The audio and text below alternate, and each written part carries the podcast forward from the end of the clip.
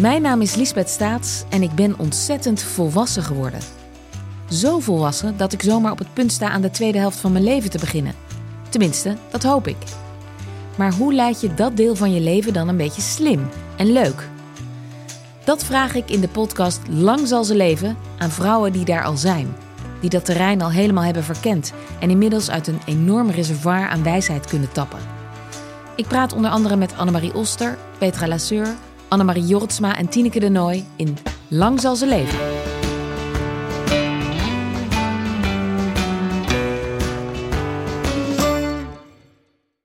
In Help, ik heb een puber, de podcast, ga ik Klun samen met columniste, schrijver en pubermoeder Ivanka van der Zwaan in gesprek over puberproblemen. Slaap, alcohol, sociale media, seks.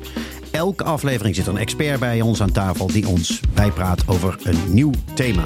Help, ik heb een puber, de podcast. Nu te beluisteren in je favoriete podcast-app.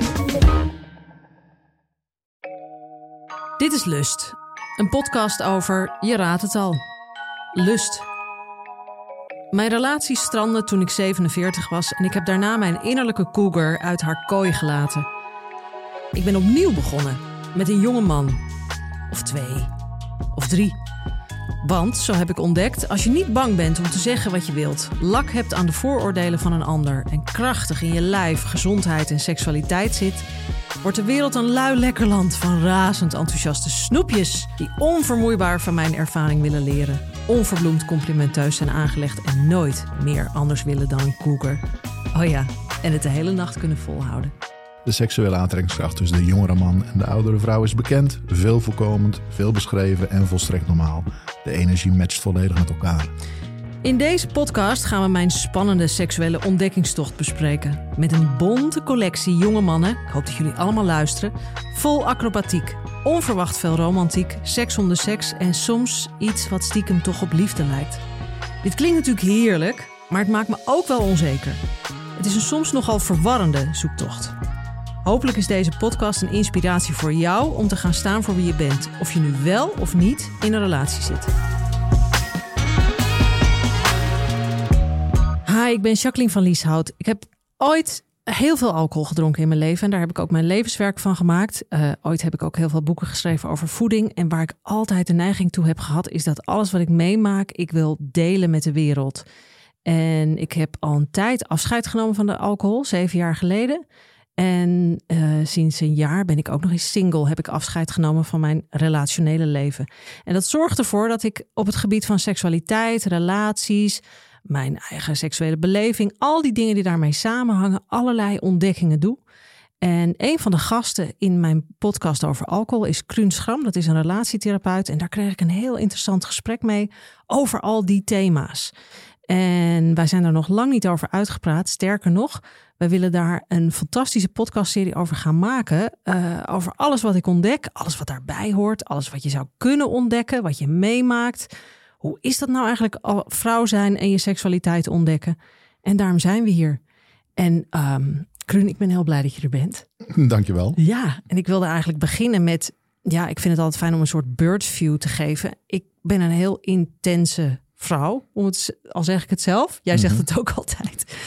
Uh, ik beleef dingen heel, heel, heel erg intens. Dat heb ik vanaf kinds af aan ook altijd gedaan. Seksualiteit is altijd een heel belangrijk thema voor mij geweest. Ik heb niet daarover nagedacht of dat voor een ander zo was. Ik weet ook niet of dat voor de luisteraar zo is. Maar het heeft, ja, ik heb het altijd heel fascinerend en bijzonder gevonden. Uh, vanaf het moment dat ik seksueel actief word, werd, ben ik ook gaan drinken. Dus al mijn seksuele ervaringen zijn eigenlijk doordrenkt geweest met alcohol. Mijn woeste jaren twintig. Uh, mijn eerste vaste relatie vanaf mijn dertigste. En dat is eigenlijk doorgegaan tot mijn 46ste. Op mijn 41ste ben ik gestopt met alcohol. En nu ik single ben, kom ik tot zoveel ontdekkingen dat ik denk, ik ben altijd te snel in relaties gestapt. Ik heb misschien wel heel veel seks gehad met heel veel mensen waar ik dat misschien wel niet mee wilde, op een manier die ik niet wilde. Dus ja, dit is, ik ben dus onverdoofd en ik ontdek seks voor het eerst. Het lijkt wel een soort puberteit of zo, weet je, met heel veel twijfels en ik ben er vaak onzeker over en ben heel hongerig. Lieve luisteraar, ben heel hongerig. En ja, ik, ik vind het nogal wat eigenlijk. Dus ja, ja. wat vind jij daarvan? Nou ja, kijk, ik vind het ontzettend interessant dat we deze serie gaan maken. Um, simpelweg omdat ik nu sinds zeven jaar relatietherapeut ben. Ik ben van oorsprong farmaceut. Um, en in deze carrière is voor mij duidelijk geworden dat in relatietherapie uh, het onderwerp seks best wel onderbelicht is heel vaak. En dat is raar, want Esther Perel, de bekendste relatietherapeut ter wereld, die zegt intussen: als de seks goed is, is het 10% van de relatie. Maar als de seks slecht is, is het 90% van het relatieprobleem. Dus ik ben ontzettend nieuwsgierig naar jouw zoektocht allereerst, uh, jouw vindtocht, hè, wat jij in het verleden allemaal hebt meegemaakt. Omdat ik merk dat ik daar nog ja, ontzettend veel kan leren en kan opdoen. En ik hoop dat we samen die, uh, die reis kunnen gaan maken. Ja. Dus dat is eigenlijk mijn uh, motivatie om, om hier zo vol enthousiasme in te gaan. Ja. Ja, en wat me wel tegengehouden heeft, en dat heeft me bij voeding en alcohol, mijn vorige onderwerp natuurlijk niet gedaan, is dat seks en vrouw zijn, is natuurlijk een ding, hè? Want als je als vrouw in je seksualiteit stapt en daar zeker over gaat praten, nou, ja, ja dat Dan is maak naar je de beren los. Ja, Ja, dat is ja. naar je vriendinnen al een ding. Ja. Ja, want eh, ik bedoel, waarom mogen we dat niet? Nou, dat is inderdaad een ontzettend interessant vraagstuk. En ik, hè, ik heb zelf een zoon van 15. En als ik merk wat die allemaal hoort en leest op TikTok. En inderdaad dat een jongen kan heel veel vriendinnetjes hebben. En dat is prima. En andersom is dat nog steeds iets waar Nog jongeren daar tegenaan kijken. Eh, jij ontdekt hè, nu zelf ook van nou, het is niet heel makkelijk om er heel erg breed en iedereen over te vertellen wat je allemaal meemaakt. Want er Ja. is toch heel snel is er oordeel op. En ik merk zelf bij mij in de praktijk dat, ehm, ja, laat ik het simpel zeggen, dat er best wel veel ontevredenheid is. Bij vrouwen met name over hun seksleven. Bij een man werkt het toch een beetje zo dat als de frequentie oké is, dan is het seksleven oké. Maar bij vrouwen zie je gewoon dat er heel veel verlangens en wensen, behoeften niet aan de orde komen, niet op tafel komen. Gelukkig dankzij Fifty Shades of Grey, dat boek, dan eh, is er wel wat, eh, wat gebeurd de laatste tijd. Maar eigenlijk is er nog een wereld te winnen. En inderdaad, de vrouwelijke seksualiteit wat dat betreft is, is echt aan een, eh, aan een hele grote revolutie toe. Maar Jacques, dat zit ik me wel af te vragen. Want jij bent op die datingsites gegaan, heb je me verteld. En eh, nou, ik weet, eh, als een vrouw daar haar vinger op steekt, dan, eh, dan loopt de mailbox vol. Maar je lijkt met een buitengewoon sterke voorkeur vooral naar de jongere mannen te kijken. Wat, wat, vind je daar? Wat is dat? Nou, ik zal vertellen hoe het begonnen is. Ehm, ik heb me begin december op één datingsite aangemeld. Als ik meer had gedaan, dan, dan had ik nooit meer ergens aan toegekomen. Maar ehm, daar ben ik eerst gaan kijken naar de veertigers. En, maar niet met een omlijnd doel. Zo van, ik wil nu een nieuwe relatie. Of ik wil seks. Of ik wil FWB of ONS. Voor de niet wetende luisteraars. Friends with Benefits of een one night stand. Ik denk, ik zie het wel. Nou, dan gaat er een catalogus open. Het is alsof voor de oudere luisteraars de weekkampgids iedere dag op de mat komt. Want je hebt tussen de 100 en 200 likes. Dus Zoveel, mannen die zeggen, ja. die hun vinger opsteken. Maar in die 40ers en 50ers zat er voor mij niets bij. Letterlijk niets. Maar niets uiterlijk, niets... niets uiterlijk, want dat is de eerste stap. Niets uiterlijk. En ook de teksten erbij. Ik zoek een lief vrouwtje voor op de zaterdagavond. Eh, knuffelen, wandelen, goede gesprekken. Ja, ik denk, ja, nee, dit, hier, dit wordt het niet. Toen zei een Maar vriendin, even, hè, wil je van mij geloven dat heel veel mannen dat er opschrijven? omdat ze denken dat een vrouw dat wil lezen. Ja, dat ze dan de grootste kans hebben dat een vrouw denkt... oh, hij drinkt niet meteen heel erg aan. Ja. Dus naar deze... Nee, maar dat hoef ik al. Die subtiliteit is, dat hoef ik niet. En toen zei een vriendin: Ja, maar Jacques, je moet jonger kijken. Sterker nog, ook mijn ex-man zei: Ja, maar jij moet een jongere man. Want dat past veel beter bij je. Nou, dus, maar ik een beetje, vind het zo raar. Kan toch niet naar een einddertiger gaan kijken. Nou, lang verhaal heel kort. Ik ging steeds een stapje naar beneden. Tot op een gegeven moment, ja, luisteraars, wees maar gechoqueerd vanaf 25. Maar de jonge mannen, ik generaliseer nu even, die presenteren zichzelf alsof ze in een modellencatalogus staan. De meest fantastische foto's, heerlijke teksten, alles erop en aan. En dat ging mij ook allemaal liken. De gewoon bergen. Maar vond je dat niet intimiderend? Want hè, ik bedoel, Ja, maar ook je bent een prachtige vrouw, maar je bent ook 48. Ja, maar dan denk ik, hoe kan een man van 32, eh, eh, universitair geschoold, prachtig gezicht, eh, top track record, alles erop en aan. Hoezo moet hij iemand van 48? Ik begrijp dat, daar dat niets snap van. ik. Nee, maar dat snap ik heel goed. Ja, maar ik als vrouw begreep dat niet. Maar toen be- ben ik gewoon met eentje begonnen met kletsen en doen. Daar heb ik mee afgesproken.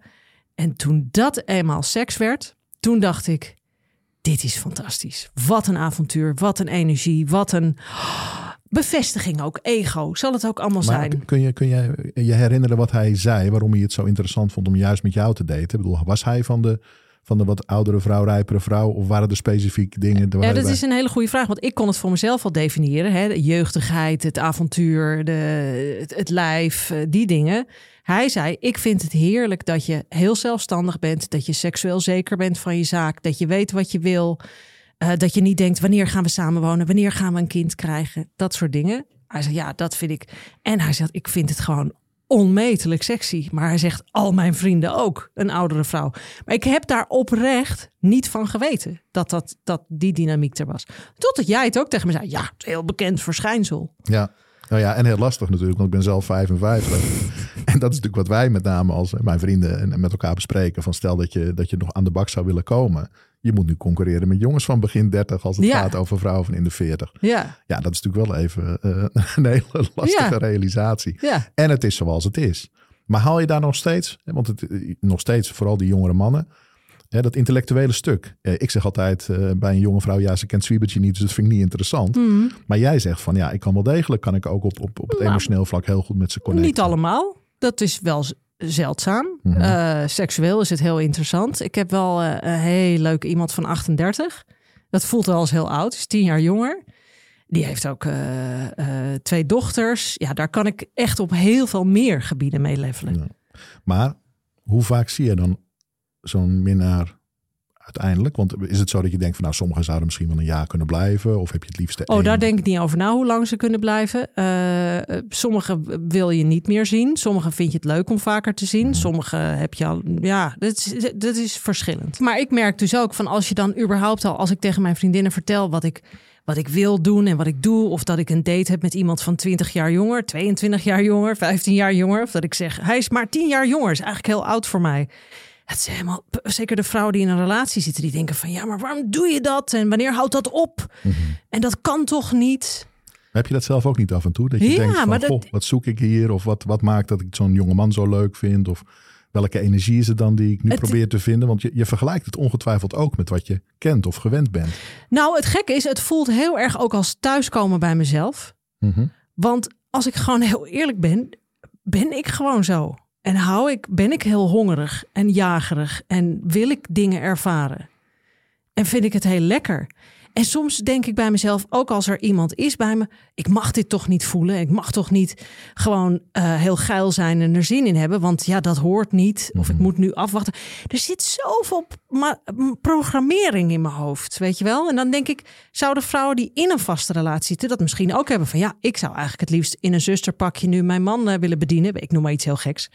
Ik weet niet of vrouwen een zusterpakje fantasie hebben, maar in ieder geval een, een- iets anders doen. Wat ik zelf heb ervaren in relaties, is dat veel mannen inderdaad, eh, zolang de frequentie er is, vinden ze het best. Maar avontuur, dat hoeft niet zo. Is Nee. dat dan meer een vrouwending?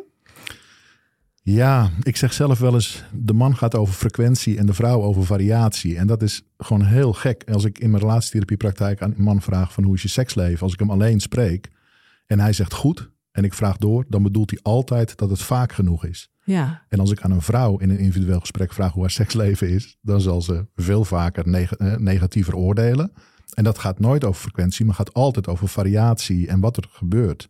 Of het leuk is, of het fantasievol is, of het ja, eh, niet elke keer hetzelfde riedeltje is. Want dat is natuurlijk wat heel veel gebeurt in langdurige relaties. En als ik nog even mag aanhaken op wat je net zei. Ik vind het zo interessant. Wat je zelf zegt is van, weet je, mijn huidige fase is niet een reactie op mijn huwelijk of wat daarin is gebeurd.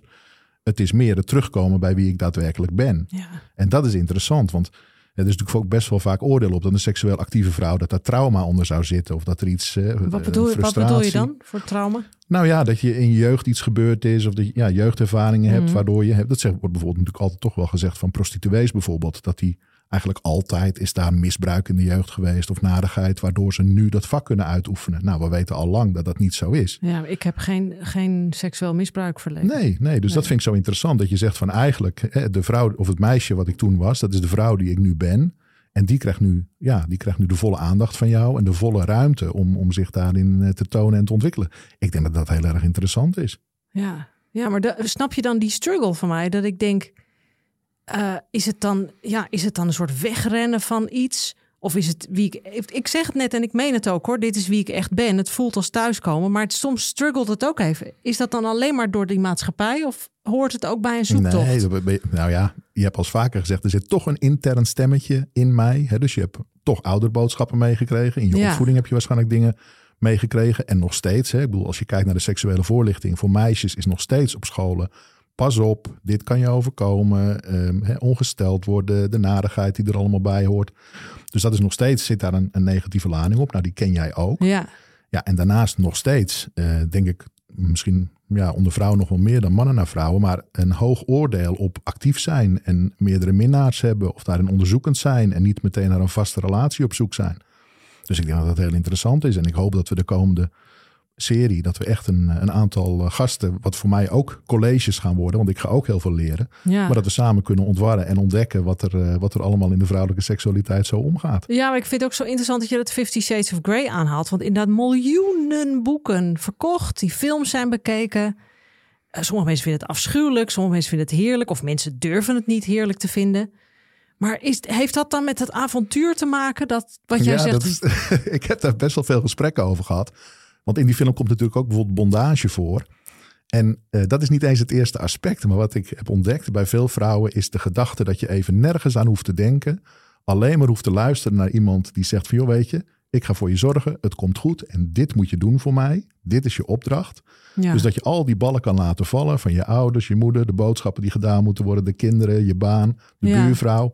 Gewoon alles laten, blinddoek voor en iemand anders die gewoon heel rustig jou vertelt wat je te doen hebt. En Dus- dat spreekt heel veel vrouwen, heb ik gemerkt, vooral heel erg aan. ja, Niet dan is het zozeer- niet van ik wil zo graag streamen in mijn pols. of Nee, zo. nee, nee, nee. Het heeft echt te maken met dat stuk van een keer niet in controle zijn, een keer niet, ja, dat, de blik op zichzelf gericht, maar ja. Maar is dat dan ook waarom vrouwen in veel vrouwen in lange relaties hun seksualiteit verliezen? Omdat ze te veel in controle willen zijn? Of Ehm, nou, dat ze speelt zeker ook een rol. Maar ja, wat de grootste rol speelt, dat is dat, eh, wat ik altijd zeg, hè, je tanden poetsen, je afdrogen en je kont afvegen gaat in de loop van je leven steeds meer op elkaar lijken. Dat wordt een vaste routine waar je bijna een kookwekker bij kan houden. En gek genoeg is dat wat je bij heel veel mannen eh, in de seksualiteit ook ziet. Ze gaan op een gegeven moment een vast setje dominostenen omgooien. En dat duurt dan x aantal minuten, waarbij je bij minuut 2 de vinger daar, na minuut 5 tong zus. dit klinkt heel, Ja, heel saai. Maar als een man dat één keer per week heeft, 60 jaar lang, dan zal hij toch relatief tevreden op zijn seksleven terugkijken. En als je die vrouw individueel spreekt, die zegt: Ja, het was na een jaar net alsof ik een luidje aan het verschonen was. En ik, ik zeg dit vaak in mijn praktijk. Er wordt ontzettend om gelachen, omdat er een hele sterke kern van waarheid in zit. Dus de uitdaging wellicht, wat mij betreft, en daarom dat ik het zo graag doe, heel erg bij de mannen om het veel gevarieerder en fantasievoller te maken. Maar als je, als je dan hoort in wat voor reis ik zit hè, en wat ik aan het ontdekken ben en aan het bekijken en zo, heb, heb je dan aanwijzingen of dingen of vragen die je me wil stellen of iets anders? Help me alsjeblieft. Nou, ik vind het het allerleukste als je gewoon heel vrij blijft experimenteren. hè. Ik zeg altijd, een lopende hond vindt botten. En ik wil de laatste zijn. ik wil de laatste zijn die jou een kant op stuurt. Omdat ik het juist wel spannend vind. Wat je, hè, wat je, wat je me zo eh, in de zijlijn al verteld hebt, wat je beleeft. Dus eh, nee, daar, ben ik, eh, daar wil ik je vooral heel vrij in laten. Maar ik ben heel nieuwsgierig om dat onderscheid te gaan, gaan ondervinden van hè, wat is nou dat boze stemmetje in jouw hoofd op de buitenkant, de maatschappij die, die oordeelt. Wat is gewoon jouw eigen vrije seksualiteit? Hoe schaamteloos kun je in de huidige maatschappij zijn? Want we gaan ongetwijfeld ook reacties krijgen. Ja, En ik ben heel benieuwd naar alle vakgebieden. eh, want alle, ja, we zijn natuurlijk van plan om gasten uit te nodigen die echt expert zijn op allerlei gebieden binnen seksualiteit. ja, Wat daar de laatste inzichten over zijn. ja. Ja, en weet je wat ik ook zo interessant vind? Dat ik in deze ontdekkingstocht, die nog niet zo lang duurt hoor. ehm, maar dat ik zoveel leer over zoveel andere gebieden ook. Ja? Ja, over. Wat, is, wat, wat is je meest opvallende leerervaring? Als je nou terugkijkt over de afgelopen maanden. Wat is nu dat je echt zegt van nou, Oh, een te- mind-blowing? Ja, dat is een mindblowing. nou. nou, weet je wat het meest mindblowing is? Is dat ik er in 48 jaar nooit zo over na heb gedacht. Wat vind ik nou eigenlijk echt leuk? Wat vind ik nou echt goed voelen? Wat voor opbouw vind ik fijn? Waar raak ik opgewonden van? Een goed gesprek, intelligentie. Het is niet alleen maar het fysieke verhaal.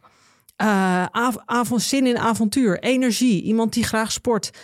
Die dingen heb ik nooit. Ik ben zo gaan rennen in mijn leven. Snel een relatie in, snel me erbij neerleggen. En nu denk ik, ja, dat, dat raakt me dus ook. Dat ik denk, eindelijk neem ik de tijd. Ja, wat mooi dat je dit laat zien. Om dat te voelen van, wat, wat voelt nou goed? En dat is echt mezelf iets gunnen. En dat heb ik nooit gedaan.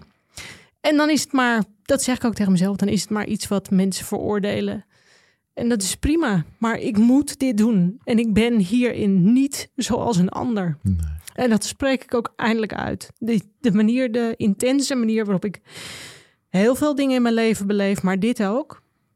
Ja, dat, dat is anders dan de meeste mensen. Ja. En daarom wil ik het ook de wereld ingooien. En hoop ik dat mensen die luisteren, die zich ongetwijfeld niet met alles kunnen associëren en denken: Jezus, van een gek wijf en dat is toch belachelijk en wie doet dat? En eh, it's fine, maar laat het je inspireren om ook dat diepste wat je misschien hebt begraven in je kelder ook daaruit te laten komen. Ja, ik vind het zo mooi dat je dit laat zien. En, en daarom ook dat ik zo graag meedoe. Omdat ik zie dat dit, dit gaat heel erg over jouw zoektocht, jouw proces. Maar ik weet zeker dat die, dat die ja, voor ontzettend veel vrouwen zou gelden. En ook al geldt. En jij komt ermee naar buiten. Dus ik vind het ongelooflijk moedig. En ik denk dat, eh, ja, ik, het gaat mij wel kunnen schelen wat mensen ervan vinden. Ik hoop dat mensen dit echt bevrijdend vinden. En dat mensen hier echt van zeggen van, weet je, eindelijk wordt er woorden gegeven aan een aantal dingen die, eh, die aandacht verdienen. Want het staat, ja, het is vrij treurig gesteld met het seksleven in de gemiddelde relatie in dit land. En ik wil er alles dat is aan doen. echt heel erg. Ja, en ik wil er alles aan doen met jou om, om daar een, eh, ja, een bijdrage aan te leveren. Dat het echt stappen beter gaat worden voor, eh, voor Ja, en dat, maar dat vrouwen. vrouwen ook elkaar gaan versterken daarin. Dat je, da- dat je niet afkeurend, zoals er naar mij wel eens door mijn directe omgeving afkeurend naar mij gekeken wordt. En dan denk ik, ja, maar heb ik ook de neiging om te vragen, maar wat wil jij dan seksueel? Ja, Maar dan zie ik ook in de ogen datgene wat ik ook jarenlang heb gedaan. Ik mag niet buiten mijn kaders denken, want ik zit nu eenmaal vast in die relatie. Eh, Snap je? En Ja, dan denk ik, laten we het gesprek eens opengooien. ja. De, de vraag die jij vaak zal krijgen is van ja, waarom heb je dat dan nodig? Of ja, maar wat mis je dan? Maar, en alsof er ja, toch die, die- een trauma onder zit of iets, iets zieks of iets wat genezen moet worden of iets waar je aan geholpen zou Ja. kunnen worden dat je het dan niet nodig zou hebben. Ja. En jongens, laten we toch alsjeblieft die seksualiteit vrij vieren en beleven. En hè, met, als, als iedereen toch hè, vol consent erin zit, dan is het toch een prachtige plek om samen naartoe te gaan. Ja, want dat is, en dat wil ik ook heel graag met jou onderzoeken. Hè. Esther Perel zegt zo mooi, seks is niet een daad die je doet, maar het is een plek waar je heen gaat. Nou, die plek, hè, die is voor vrouwen gaat die over fantasie en variatie en sfeer. En, En er komt zoveel bij. En eigenwaarde en gelukkig zijn met jezelf zijn. Nou ja, ik bedoel, en wat je ook zegt, zo lekker in je lijf zitten, genieten van, van het leven. Ja. Ja, dat is wat erotiek zou moeten zijn. En daar is, eh, nou, ik denk heel veel aan te onderzoeken en heel veel moois over te zeggen. Dus eh, graag. Prachtig, ik kijk er naar uit. Ik ook.